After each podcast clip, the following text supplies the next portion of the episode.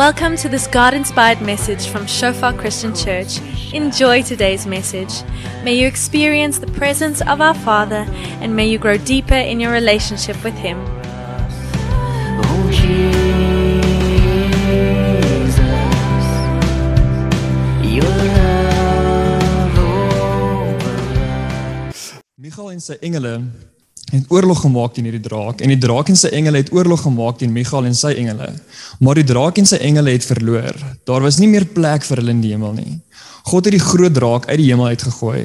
Die draak is die ou slang, die mense noem hom die duiwel, Satan. Hy bedrieg, hy bedrieg al die mense van die wêreld. God het hom en sy engele op hierdie aarde gegooi. En hier is ons aan die einde van die Bybel, Openbaring 12. En hierso hoor ons God gooi vir Satan uit die uit die hemel uit. Nie Genesis 3 waar waar so, um die duiwel vir Eva verlei nie. Dis nie daarso hy's uitgegooi nie. Hierso is hierso waar ons eerste keer hoor Satan word uit die duiwel ag uit die hemel uitgegooi en hierso begin hy beklei met God se gemeente, met God se mense. Hy kom na die aarde toe, hy verlei, hy bedrieg en hy is uit daarop om al die mense van hierdie wêreld se lewe amper sy held te maak, maar dit is letterlik die geval. Sy lewe heeltemal te te verwoes. Verder in die hoofstuk gaan dit aan. Toe het ek gehoor iemand skree hard in die hemel en hy sê: "Ons God het ons gered. Hy is baie sterk. Hy is ons koning en hy is en hy regeer." Ja, die Christus van God regeer oor alles en almal, want God het die Satan uit die hemel gegooi. Die Satan wat elke dag en elke nag die mense beskuldig wat saam met ons glo. Maar die gelowiges het die Satan oorwin omdat die lam gesterf het ekskuus, om die lam gesterf het en omdat hulle vir almal vertel het wat geglo het. Ja, hulle was nie bang toe die mense hulle doodgemaak het nie. Daarom moet die hemel bly wees. Almal wat in die hemel woon, moet baie bly wees.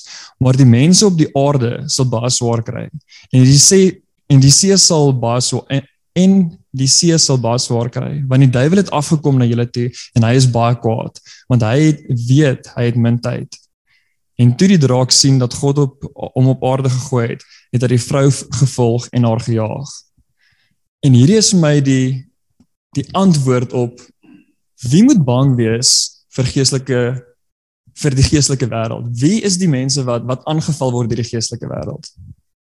Die waarde en die antwoord is ons almal hier op aarde sonder uitsondering. Hier sê hy en want die duiwel het afgekom na julle toe en hy is baie kwaad want hy weet hy het min tyd en toe val hy en toe dat die die vrou gevolg en gejaag die vrou God se gemeente God se mense dit beteken elke liewe een van ons sonder uitsondering het daai daaglikse daaglikse beklei met beklei met die vyand daai daai geestelike beklei.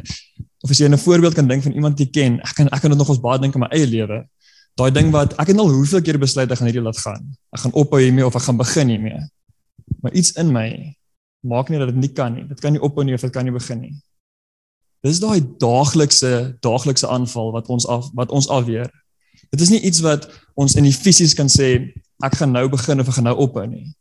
Dit is daai geestelike aanval wat wat God vir ons duidelik hier in sy woord sê. Wat Johannes ons sê in Openbaring. Hierdie ding is vir almal en elkeen. En of ons dit aanvaar of nie, maak dit nie meer of minder teenwoordig nie. Daar gaan daar gaan een of ander konflik wees. En dis die waarheid. Een of ander konflik gaan daar wees. Of ons kan dit op ons knieë in gebed hê of ons gaan dit dalk met die persoon langs ons hê. Maar net omdat ons die geestelike wêreld ignoreer, beteken nie dis nie dis nie noodwendig daar nie. Die laaste stukkie sê die draak was baie kwaad vir die vrou en hy het weggegaan om oorlog te gaan maak teen die vrou se ander kinders. Maar ander kinders is die mense wat God dien, wat God se wette gehoorsaam en wat doen wat Jesus gesê het. En dit beteken dis dis presies ons almal. En toe ek hierdie vers lees, kon ek nie help dat dit in my opkom om te dink Nou is ek nie beter af om dan nie God se se wette te gehoorsaam nie. Verkeerdste gedagte wat ooit is, maar ek moes eerlik wees met myself en dis dis wat dadelik by my opkom. Ek hierdie vrees van vra hierdie ou hierdie duiwel is agter almal aan wat God gehoorsaam en doen wat Jesus gesê het. Is ek nie beter af om dan net nie te doen wat God sê nie. Dis die leuen wat dadelik opkom. Maar die waarheid wat daarmee gepaard gaan is of ons word vervolg deur die vyand of ons word beheer deur hom. Daar's nie ander opsies nie. Dis slegs dit. Elke persoon wat hier sit en elke ou wat jy ooit sal raakloop in die hele lewe is in een van twee kampe. Of hy word vervolg deur Satan of hy word beheer deur Satan. En daar's nie 'n ander opsie nie. Ons wat God nastreef met alles in ons, sal altyd die vyand hê wat ons aanval. En die wat nie God nastreef met alles in hulle nie, sal altyd beheer wees deur daai selfde vyand. Dit is my soos om as as iemand kla oor belasting betaal. Yes, like kan jy glo ek moet so baie belasting betaal? En sê dan het my oupa altyd gesê, die goeie ding van daai belasting is jy kry baie groter salaris as dit. Jy as jy ontslaa raak van die belasting, gaan jy eers jou salaris moet opoffer. En hierdie is my dieselfde. Yes, like dis nie lekker om te hoor die duiwel vervolg ons nie. Ek wil ontslaa raak daarvan.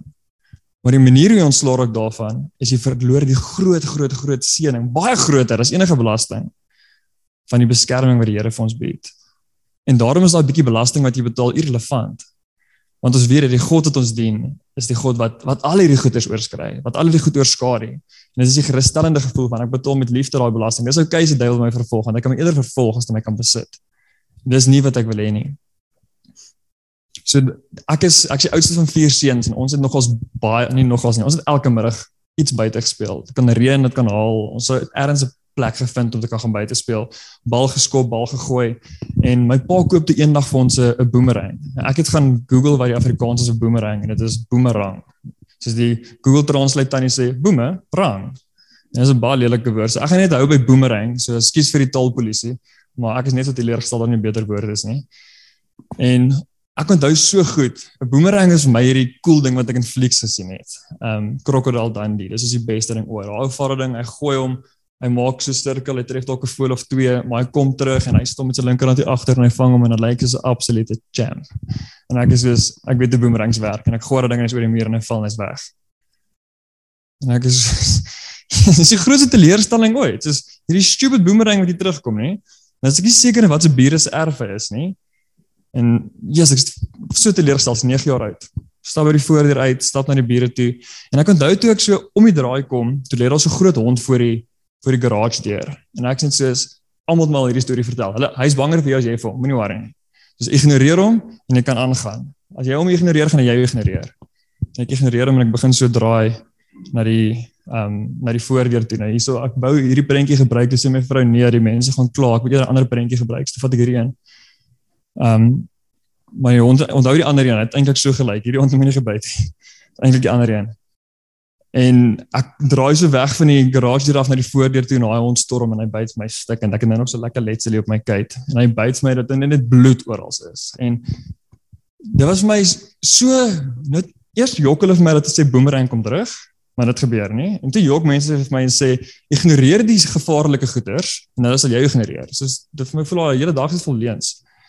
En 'n maand en 'n half terug kom my seentjie en ons gaan kuier by by vriende wat ook 'n hond het. Hy lyk nie so vicious nie, maar hy lyk ook pretty vicious. Gaan kuier gaan kuier ons by hulle en hy's besig om te speel en die hond is groot hond besig om te speel en hardloop rond en die oomblik toe daar's my seentjie Henry toe oomblik toe Henry sy rug draai en wegloop van die hond af. George lê rondom en hy gryp hom en hy byt hom weer reg. En dit is net bloed oral. En hy skud vir hom rond en hy kom 'n tweede keer terug en hy byt hom weer. En ek onthou hoe ek gebyt is ek weet nie baie 20 jaar terug. En dit is vir my die verskriklikste gevoel. Eerstens om weer te onthou ek gebyt is maar ook om te sien dat 'n onskuldige kind draai sy rug op die gevaar. Hy het nie aangeval nie hy het nie 'n bedreiging gemaak nie. Hy draai sy rug op daai gevaar en hierdie gevaar sê dit is nou tyd. Want so onskuldig as jy is verwag jy dit nou ook nie En in daai oomblik besef ek dis die geestelike wêreld vir ons. Ons kan dit ignoreer soveel as wat ons wil. Ons kan dalk ons rug daarop draai en wegloop. Maar die tande raak nie stomper omdat ons dit ignoreer nie. Die gevaar raak nie minder omdat ons wegloop daarvan af nie. Partykeer sit die wonde dan net op ons rug wat ons nie kan sien nie. En dis baie baie seer en baie baie sleg. En in daai oomblik besef ek soos en ek sien hoe hoe hoe 2 jarige gebyt word deur deur 'n hond, besef ek net Ons sien dit elke dag. Ons sien die 2-jarige, 20-jarige en 72-jariges gebyt word deur die vyand. Omdat ons dit wil ignoreer en omdat ons dit nie kan kan konfronteer nie. Die stuk in ehm um, Matteus 12 sê wie aan my kant is, is ag wie nie aan my kant is nie, is teen my. En wie saam met my die skape bymekaar maak, wie nie saam my skape bymekaar maak nie, jaag hulle uit mekaar. Dis my so great one-liner. As die Bybel nou 'n one-liner moes gehad het oor oor geestelike oorlog. Is dit hierdie? Jy's of my of teen my, klaar. Daar's ons daar's niks van okay, maar Here, ek is vir U in my finansies, ek's vir U in my huwelik, ek is vir U wanneer dit moeilik gaan by die werk. Maar as vaf skop moet U my vergewe. Soos frikke, net daai daai oomblik gaan ek net soos bietjie eers op my eie wees, maar die res van die tyd sal sal ek heeltemal vir U wees. Daar daar's niks daarvan nie. Dit dit is absoluut sê die Here, jy's of 100% vir my of jy's teen my. En dit bring ons terug by Openbaring 12 wat sê jy word of 100% deur die vyand vervolg of jy word 100% deur hom beheer. Slegte manier om 'n slegte ding om te hoor soms, 'n belangrike waarheid om ons eie te maak. Ek dink die maklikste vir my om hierdie te verduidelik is baie mense baie mense vra my vra oor Survivor deesdae. So dit is my maklikste verduideliking. As ek sê as jy moet gaan stem by Survivor, dan sê hulle vir jou wat jy nie op TV sien nie. Hulle sê vir jou duidelik, jy moet een naam skryf en dit is jou 100% oortuiging. Jy kan nie Hanna Hanna nie. As jy stem vir 'n wenner in Survivor, kan jy nie iemand se naam skryf met 'n 0.8 in hakkies en iemand anders se naam skryf met 'n 0.2 in hakkies en dan tel dit saam op na 1 want jy sê wil 80% vir hierdie persoon stem en 20% vir daai persoon want want jy sê hierdie persoon ook iets goeds gedoen. Soos nee, dit werk nie so nie. Jy stem vir een persoon en jy sold out op daai persoon. As jy 'n naam gaan neerskryf op baie papier, is daai is daai naam 100% die persoon wat jy volg vir wen. Jy kan nie miskien hierdie persoon dalk daai persoon nie. En dit is presies hoe God ook vir ons wil hê. Dit is nie Here, ek deel my lewe op in 7 of 8 kompartemente en ek gaan soveel as moontlik vir hulle van hulle vir u probeer gee nie. God sê as jy een naam op papier kan skryf en agter daai naam is alles. Dis my huwelik, my werk, my kerk, my gesin, my familie, my klere, my finansies, my alles. As ek een naam oor al daai goed moet skryf, wie se naam is dit? En dit is presies wat hy vir ons sê in in hierdie stuk in Matteus in Matteus 12. Of is heeltemal vir my of heeltemal teen my. Here, ek kan alles kan ek vir u doen, maar u weet my finansies is tight. Ek sukkel nog ons met tiende. So daai is finansies wat ek uitsorteer. God sê nee. Alles, alles of niks. En hy soek jou alles. En hy soek ons alles elke sekonde van elke dag. In Efesiërs 6 is ook 'n langerige gedeelte maar gevinnig hier om lees en gelukkig weet ek baie mense ken. Dit is hierdie is 'n lekker gedeelte om oor te praat. Mense hou daarvan om Efesiërs 6 aan te haal. Hulle hou daarvan om dit te lees in die oggend voor werk en te sê ek trek die geestelike wapenrusting aan en ek het hierdie en hierdie en hierdie en hierdie in plek. Maar ek wil vanoggend vir ons 'n bietjie dieper aan die ander kant van Efesiërs 6 uithaal. Ek gaan eers tot deur lees en dan gaan ons lekker oor gesels. Wees daarom my broers, versterk in ons meester en in die grootheid van sy krag. Trek al die wapenrusting van God aan sodat jy in staat is om staande te kan bly teen die strategieë van die teestander. Want julle geveg is nie teen vlees en bloed nie, maar teen die autoriteite, teen die heersers van hierdie wêreld van duisternis en teen die bose geeste onder die hemel. Hier kom ons weer uit, waar waar is ons bekleierery? Is my bekleierery met my vrou wat nou my al soveel keer kwaad gemaak het? Of met die vyand wat in die gees besig is om onmin in my huwelik te te stig. Dis die werklike geveg. Die werklike geveg is nie die gesig wat voor my staan nie, maar dit is die vyand wat in die gees iets kom stuur tussen hierdie twee gesigte. En baie keer of ek vind myself ook dat ek so kwaad kan raak of so frustreerd kan raak met die persoon aan die ander kant van die gesprek. Maar die oomblik as ek my hart begin toets en sê Here, ek besef hier's iets dieper. Jesus is dieper. Daar's ons daar's 'n daar's 'n teenstryd binne my. Ek wil hierdie persoon uitrap. Ek wil kwaad wees. Maar daar's eintlik iets dieper wat uitgesorteer moet word. En toe daai uitgesorteer is, wanneer daai uitgesorteer is, dan ewe skielik is dit anders. Ons is stuk in 1 Timoteus 1 wat sê wat praat van ehm um, dat dit sê wat die vlees en die gees altyd in teenstand mekaar sal wees. Ek's besig om met hierdie persoon te beklei by die werk, iets te sê of ingetrek te word in 'n gesprek wat ek nie moet nie, maar my gees sê vir my hier kom jy uit, kom jy uit. Of besig om met jou kind of jou vrou of jou vriend of jou broer te beklei, maar jou gees sê vir jou jy moet nou op jou knie kom. Hierdie is nie geduld nie, jy moet nou op jou knie kom. Maar daai twee sal in teenstryd met mekaar wees, altyd. Altyd altyd want Timoteus sê vir ons, die vlees en die gees is in teenstryd met mekaar. Ons is ons is gemaak volgens God se wil, maar ons is in 'n sondige liggaam, in 'n sondige wêreld. En dit is hoekom daai twee so in teenstryd is met mekaar. En hoekom baie keer so moeilik kan wees vir ons. En Jesus sê dit vir ons. Die vlees, die geveg die is nie teen vlees en bloed nie, maar teen die autoriteite en die, en die heersers in die van hierdie wêreld van die duisternis, teen die bose geeste onder die hemel. En as ons die aardse gevegte we wegvat of of een kant sit sodat ons die geestelike gevegte kan beklei, is dan wanneer daai aardse gevegte niks werd raak.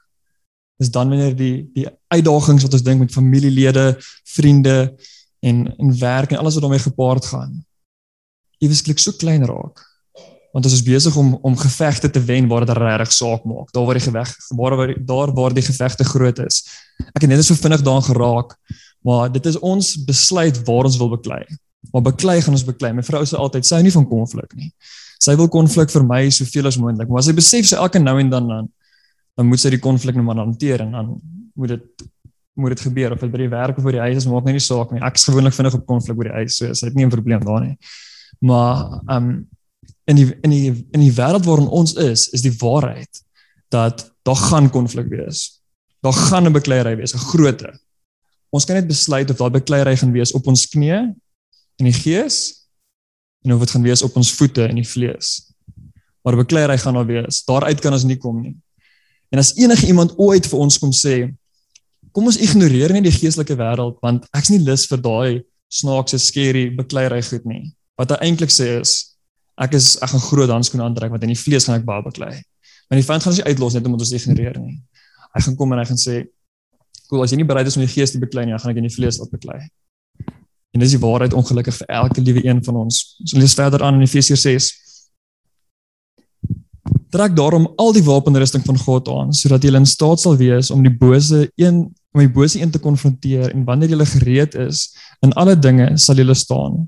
Staan daarom en maak die gordel van waarheid om julle heupe vas en trek die borsbot van onpartydigheid onpartydige opregtheid aan en bind die skoene aan julle voete vas in voorbereiding vir die goeie boodskap van vrede, gesondheid en voorspoed. By dit alles stel die skild van vertroue op sodat jy die krag sal hê om al die brandende pile van die bose te kan uitblus. Sit die kopskerm van verlossing op en tel die swaard van die gees op wat die boodskap wat die boodskap van God is. In alle gebede en in alle begeertes bid by elke geleentheid in die gees wees elke oomblik in hom waaksaam in gebed terwyl jy voortdurend bid. Daai is my die beste raad wat daar kan wees ten alle tye wees elke oomblik in hom waaksaam terwyl jy bid. Dit is nie onthou om nou en dan te bid nie. Dit is elke oomblik wees elke oomblik waaksaam. As mens in die nuwe testament gaan kyk dit vat my 2 minute om 4 keer in in Matteus raak te lees wat sê wees waaksaam in gebed. Therefore be cautious in prayer. Miskien dit so baie en dis nie net in Matteus en dit gaan aan en aan en aan. En dan sê wees waaksaam in die gees en ons lees dit oor en oor en oor en die rede daarvoor is dit is hier waar die dis hier waar die werklike oorwinnings kom daai goed wat ons baie keer voel jy's ek kan dit net nie uitsorteer in my lewe nie ek kan net nie sien hoekom hierdie persoon hierdie doen of daai ophou doen of hierdie raak sien nie is omdat dit nie 'n geveg is teen vlees en bloed nie. Dit is 'n geveg in die gees. En Jesus sê dit vir ons, wat is wat is al die groot ding van ons waarmee ons beklei? Dis gebed. En elke oomblik aan hom waaksaam terwyl jy voortdurend voortdurend bid. Daar's nie 'n beter stuk raad nie. Die dis so die lekker ding is so swaar moeilike onderwerp kom alles bymekaar met 'n met 'n oplossing. God los ons nie en sê, "Hey, ek het net veel al hierdie goed gesê, sterkte nie." hy kom en sê ek het nou vir al hierdie goed gesê en so by the way wat jy moet doen ook is ten alle tye wees waaksaam in gebed ten alle tye bid hierteen. Bid teen die goed teen dinge wat ons aanval en bid ook vir die mense vir wie jy lief is. Lê hulle in gebed neer en tree in in elke oomblik in daai oorlogvoering wat ons kan in gebed kan hê. Imagine it en daar is sulke mense vir ons elkeen daarvan is ek oortuig. Imagine net die rustigheid wat jy het as jy weet my ma, my pa of my man of my vrou of my boetie of my sussie of my pastoor of iemand wat regtig my lief is het vandag ingetree op sy knieë vir my en enige bose aanval op my lewe afgeweer. Imagine dit. En die ander kant daarvan en ek doen dit vir my vrou of my man of my seun, dogter, pa of ma Wat 'n voorreg is dit nie om te kan sê ek gaan jou nie los om die fisiese battles te fight nie. Ek gaan sommer vir jou intree ongeag waar jy is in hierdie hele wêreld. Gaan ek vir jou intermediate geestelike battles vir jou namens jou saam met God vir jou te fight. Ek kan my nie iets beters indink nie. Ek kan nie my groter gerusstelling indink as om te weet iemand beklei dit vir my nie of om te weet of 'n groter geskenk om te weet ek kan dit vir iemand gee nie.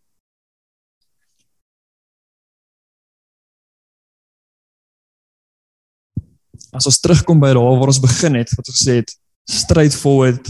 Ons kyk na drie verse en hoe dit in die waarheid inspeel. Is hoe hierdie drie verse lyk. Ons kry eers uit Openbaring uit kry ons God het wat vir ons leer dat ons is deel van 'n geestelike oorlogvoering, ongeag of ons daarvan hou of nie. Ongeag of ons dit kies of nie, ongeag of ons wil weet daar is 'n geestelike oorlogvoering of nie. Ons is deel daarvan die op die volgende skyfie het ek so het ek Openbaring 12 net vir ons opgesomme in een sin wat sê ons is deel van hierdie geestelike oorlogvoering ongeag of ons dit kies of nie. Dit sê duidelik vir ons dat en die duiwel het agter elkeen van haar nageslag aangegaan. Nie net party nie. Elke liewe een. Net dan in Matteus 12 sê dit vir ons dat of die duiwel vir of die duiwel verklaar oorlog teen ons of ons voer of die duiwel verklaar oorlog teen ons of ons voer oorlog saam met hom. Ekskuus vir daai ekstra o, ek was baie entoesiasties gisterand. En dis ongelukkig, of nie ongelukkig nie, dit is 'n goeie waarheid vir ons om te weet. Dit is of hy is teen ons of ons is vir hom. Daar's niks tussenin nie. Daar's daar's niks wat ons ooit kan sê, Here, ek wil nie graag vir u beklei nie. Die sportveld van die van die geestelike wêreld het net twee spanne en geen ondersteuners nie. Ek trek of die die rugbytry aan wat sê God se span of ek trek die rugbytry aan van die vyand. Maar daar's nie ondersteuners in die geestelike wêreld nie. Nul. Daar's 'n skeieregter wel, 'n baie regverdige skeieregter wat sê ek sal just I will judge justly. Dis waar. Maar verder as dit, op die geestelike sportveld is daar net twee spanne. Jy speel of vir die een of vir die ander een. En as dit God sê ek roep jou om vir my te kom speel, vir my en vir my alleen. Want of jy speel saam met my of jy speel teen my. En so liefdevol as wat ons God is, sê ek weer daar gaan mense wees wat teen my speel. Dis nie waar ons wil wees, nooit ooit wil wees nie, maar gelukkig, gelukkig vir ons. Ons is nie net 15 in sy span nie. God kan sê, "Is plek vir elke liewe een." Elke ou wat sê, "Geef my 'n try," sê hy, "Is reg kom." Elke ou wat sê, "Here, ek het al so baie droog gemaak kan ek nog by u speel? Sê hy nuwe try vir jou. Jy kan kom speel. Elke ou wat sê Jesus my Here, u weet nie wat moet ek eers alles uitsort nie. Sê hy twee goed voor. Een, ek weet wat jy moet alles uitsort want ek weet alles. En twee, ons nog steeds 'n try vir jou vir my span. Elke dag, elke wedstryd. Want dis of vir my of teen my. Ek wil hê jy moet vir my wees dan alle tye. En dan kom Efesiërs 6 en hy gee vir ons die die golden arrow vir hierdie ding. Hy sê gebed is ons wapen in hierdie oorlog. Dit is ons dis net ons keuse hoe ons dit gebruik. Kom gee 'n goeie voorbeeld van gebed. As ons bid, is dit elke keer 'n verklaring van geloof. Elke keer. As ek terug gaan gou na Efesiërs 6 toe, 'n mooi gedeelte wat hy daarso sê, ek word net gou vind. By dit alles vers 16, by dit alles stel die skuld van vertroue op. Nou vertroue is partykeer moeilik ding. Hoe vertrou ek iemand? Ja, ek weet nie altyd om iemand te vertrou nie. Hoe ons God vertrou is elke keer as ons bid, Elke gebed is 'n verklaring van vertroue op God. Jesus is 'n goeie voorbeeld. Here, help my asseblief môre deur. Die enigste rede hoekom jy daai gebed bid, is omdat ons vertrou dat hy gaan of kan ten minste. Here, help my broer of my suster of hierdie persoon wat in die hospitaal is. Daai persoon met COVID, help daai persoon. Dis 'n verklaring van geloof. Want as ek nie vertroue het op God nie, sou ek nie gebid het nie. Nog 'n vertroue op God is, Here, dankie dat Ek kan self sê sin klaar maak. Die enigste rede hoekom ek dankie sê is omdat ek glo, omdat ek vertrou het dat God dit vir my gedoen het. Dit was nie net 'n toevallig nie, dit was nie net 'n sterre het belyn en toe gebeur dit nie. Die dankie gebed is selfs ook 'n verklaring van ons geloof en en vertroue. En daarom as as Efesiërs 6 van sê neem dus die skild van vertroue op. Wat gaan ons beskerm in in hierdie oorlog? Dis daai skild en daai skild is vertroue en gebed is 'n verklaring van vertroue. Elke sekonde van elke dag. Elke keer as ek bid, Here, ek bid en en my gebed is 'n verklaring vir my vertroue. U sê in die woord, neem die neem die skuld van vertroue op en daarom doen ek dit. En dit is ons beskerm word in in hierdie geestelike oorlogvoering. Die kombinasie van daai drie sê basies vir ons in kort. Geestelike gevegte is daar net soos fisiese gevegte. Ons kan besluit waar ons gaan beklei. Daar gaan ergens 'n oorlog wees. Ons kan net selfs ons kan net besluit waar ons daai oorlog wil hê. En soos vanoggend nagmaal het, is dit vir my so van pas net om te kan sê, Here, ons verklaar dat U moes kom sterf vir dit wat ons nie kan doen nie. Vir daai geestelike oorlog. Om geestelik vir ons te kom vrymaak. En ons ons besef ons is nie sterk genoeg nie, maar daarna, na U dit gedoen het, nou steek ons ons hand op en sê Here aan U kant en aan geen ander kant nie. En soos jy kan jou jy kan jou nagmaal so lank vat. As dit die eerste keer as jy hier so is, kyk daar's so 'n wit koekie in die bokant, moenie hom saam met die papiertjie weggooi nie. Ek het dit al twee keer gedoen.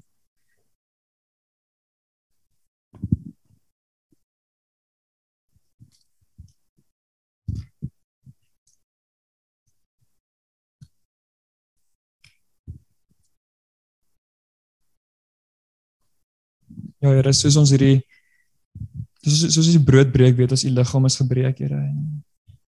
Toe u liggaam breek, toe toe word dit pikdonker.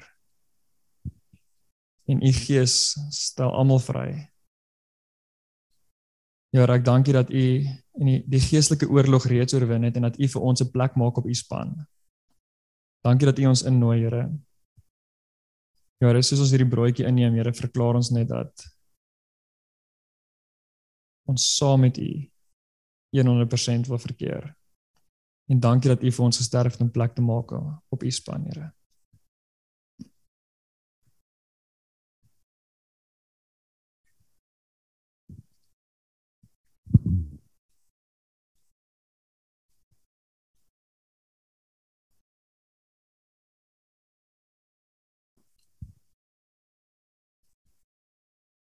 Here ons dankie ook dat u vir ons die die gawe gegee het om te kan bid.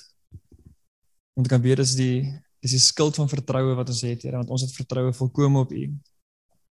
Ek vra dat U ons regtig vanoggend sal kom lei in gebed, Here. Kom lei ons asseblief op ons knieë, Here. Dat wanneer die vlees en die en die gees bots, Here, dat ons op ons knieë sal kom en sê, Here God, Papa Vader, hierso is ons. Kom help ons om die om die moeilike goed in geloof uit te sorteer op ons knieë dat ons dit nie met woorde hoef uit te sorteer op ons voete nie. En ons nooi daarin, Here. En Here, dankie dat ons weet ons is nie goed genoeg om dit op ons eie te doen nie. Ons ons is vuil, ons ons is ons is reeds nodig om gereinig te word en daarom het u bloed gevloei. En Here, soos ons nou hierdie druiwesap drink, Here, verklaar ons net dat u bloed het gevloei vir ons op daardie kruis sodat ons reconciliation met u kan hê, Here en hierdie oop weg en waarheid na U toe kan hê. En dat U U ons hoor deur gebed, Here. Ek vra dat U elkeen van ons se se gebedlewe sal sal bevorder tot so 'n plek, Here, dat ons sal weet dat dit wat ons nou drink, het ons skoon gewas en ons het die reg om oorlog te voer vir U span op ons knieë.